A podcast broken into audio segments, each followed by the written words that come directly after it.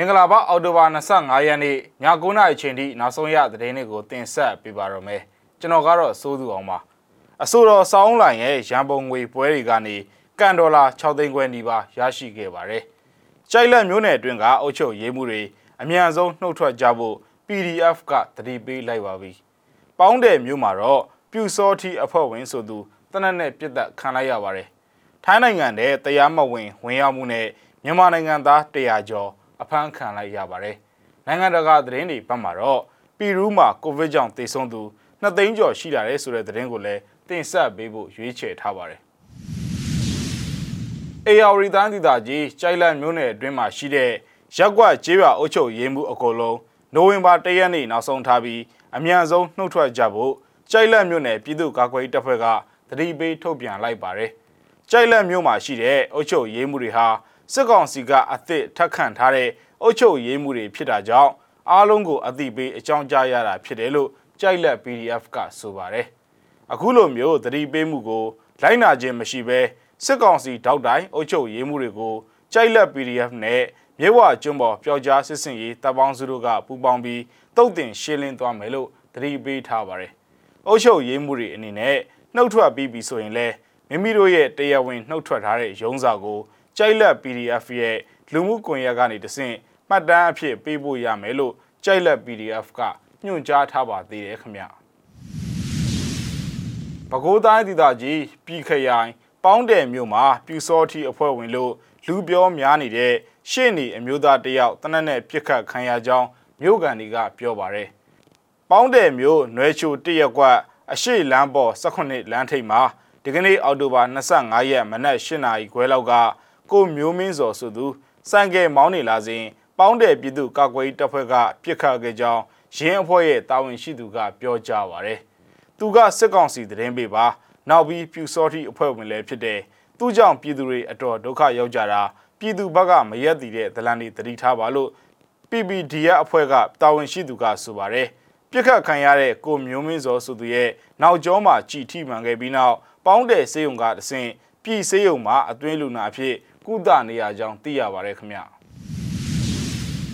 မြမနွေဦးတော်လန်ရေးရန်ပုံငွေအဖြစ်ရည်ရွယ်ပြီးအမေရိကန်နိုင်ငံမှာကျင်းပခဲ့တဲ့အဆိုတော်စောင်းဦးလာရဲ့ဖျော်ဖြေပွဲဆယ်ပွဲကနေရန်ပုံငွေအမေရိကန်ဒေါ်လာ6သိန်း3000မြန်မာငွေကျပ်သိန်း11000ကျော်ရရှိထားကြောင်းအဆိုတော်စောင်းလိုင်ကသူ့ရဲ့လူမှုကွန်ရက်မှာရေးသားထားပါတယ်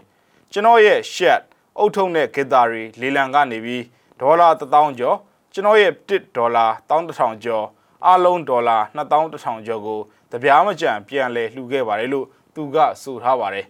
အဆိုတော်ဆောင်းလိုင်ရဲ့မြမနွေဦးတော်လန်ရေးရန်မုံငွေရှာဖွေရေးခီးစဉ်ခေါင်းစဉ်နဲ့ဩဂတ်စ်လ28ရက်ကစတင်ကျင်းပတဲ့အဆိုပါလက်မှတ်တွေကိုတစ်စောင်းကိုဒေါ်လာ90နဲ့ရောင်းချခဲ့တာပါဖျော်ဖြေပွဲ10ပွဲကို3လအတွင်းကျင်းပပြီးစီးခဲ့တဲ့အဆိုတော်ဆောင်းလိုင်ကကျွန်တော်ကိုခိတ္တအနားယူခွင့်ပြုပါလို့လဲ လူမှုကွန်ရက်မှာရေးသားထားပါတယ်။ရန်ပုံငွေအားလုံးကိုမြမနွေဦးတော်လန်ရေးရဲ့ရှေ့တန်းမှာပါဝင်တိုက်ပွဲဝင်တဲ့သူတွေစီကိုလှူဒန်းသွားမှာလို့လည်းသိရပါတယ်ခင်ဗျ။နေဆက်ဖြတ်ကျော်ပြီးထိုင်းနိုင်ငံတဲကိုတရားမဝင် ဝင်ရောက်ခဲ့မှုအတွက်မြန်မာနိုင်ငံသား120ကိုအောက်တိုဘာ24ရက်မှာစံရော့ခရိုင်မှာရဲတွေကဖမ်းဆီးရမိခဲ့ကြောင်းသိရပါတယ်။ ထိုင်းရဲတွေနဲ့အုပ်ချုပ်ရေးအရာရှိတွေပါဝင်တဲ့ကင်းလဲအဖွဲ့တစ်ခုဟာအဲ့ဒီနေ့သတင်းပေးမှုတစ်ခုရရှိပြီးနောက်တစ်တော်တစ်ခုထဲမှာအဆိုပါမြန်မာနိုင်ငံသားတွေကိုတွေ့ရှိဖမ်းဆီးခဲ့တာဖြစ်ပါတယ်။ဖမ်းဆီးခံရတဲ့မြန်မာတွေဟာအမျိုးသား65ယောက်နဲ့အမျိုးသမီး55ယောက်ဖြစ်ပါတယ်။အဖမ်းခံရသူတွေဟာဒဝဲရန်ကုန်မော်လမြိုင်နဲ့ပဲခူးတို့ကလာတဲ့သူတွေဖြစ်ကြောင်းသိရပါတယ်။သူတို့ဟာထိုင်းနိုင်ငံဘန်ကောက်စမုစခွန်နာခွန်ပထုံတို့မှာ အလုပ်အကံတွေရရှိဖို့အတွက်မြန်မာပွဲစားတွေကိုတယောက်ကိုဘတ်18000ကနေ2000အထိပေးခဲ့ကြရတယ်လို့သိရပါတယ်။အဆိုပါမြန်မာနိုင်ငံသားတွေကိုဥပဒေအရအမှုဖွင့်ဆောင်ရွက်ဖို့စိုင်ရော့ရဲစခန်းကိုလွှဲပြောင်းပေးခဲ့ပါတယ်။အလားတူပဲအောက်တိုဘာ25ရက်မှာလဲထိုင်းနိုင်ငံတဲကိုတရားမဝင်ဝင်ရောက်လာတဲ့မြန်မာနိုင်ငံသား48ယောက်ကိုထိုင်းတာဝန်ရှိတဲ့သူတွေက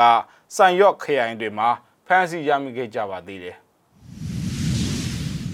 ဆက်လက်ပြီးတော့နိုင်ငံတကာသတင်းတွေဘက်မှာတော့ပီရူးနိုင်ငံမှာကိုဗစ်ကြောင့်တိတ်ဆုံးသူ2သိန်းကျော်ရှိလာတယ်ဆိုတဲ့သတင်းကိုလည်းတင်ဆက်ပေးကြပါမယ်။ကမ္ဘာပေါ်မှာ COVID-19 ကြောင့်တသေဆုံးမှုနှုန်းအမြင့်ဆုံးဖြစ်တဲ့ပီရူးနိုင်ငံဟာကိုရိုနာဗိုင်းရပ်စ်ကြောင့်သေဆုံးသူ2သိန်းကျော်သွားပြီလို့ကျန်းမာရေးဝန်ကြီးဌာနကအောက်တိုဘာလ22ရက်တောက်ကြနေ့ကပြောကြားလိုက်ပါတယ်။ဝန်ကြီးဌာနဟာလွန်ခဲ့တဲ့24နာရီအတွင်းထပ်တိုးသေဆုံးမှု25ခုရှိကြောင်းကြေညာခဲ့ပြီး ကူးစက်ရောဂါစတင်ဖြစ်ပွားခဲ့တဲ့2020ခုနှစ်မက်လကစလို့သေဆုံးသူပေါင်း2သိန်းနဲ့3ယောက်ရှိပြီးတောင်အမေရိကနိုင်ငံတွေထဲမှာသေဆုံးသူဦးရေအများဆုံးဖြစ်လာခဲ့ပါတယ်။တောင်အမေရိကအနောက်ဘက်ကမ်းရိုးတန်းကလူဦးရေ33တန်းရှိတဲ့အန်ဒီစ်တောင်တန်းနိုင်ငံဟာယောဂကူးစက်မှုပေါင်း1.2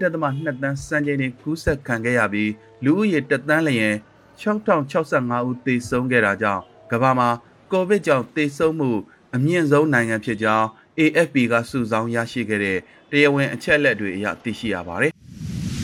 မြစီမ TV ကိုဒီမှာခဏရနာကြပါရယ်ကြည့်ရှုခဲ့တဲ့မိဘပြည်သူတိုးချင်းစီကိုကျေးဇူးအထူးပဲတင်ရှိပါရယ်ကျွန်တော်တို့သတင်းနဲ့အတူတူပြန်ဆောင်ကြပါဦးမယ်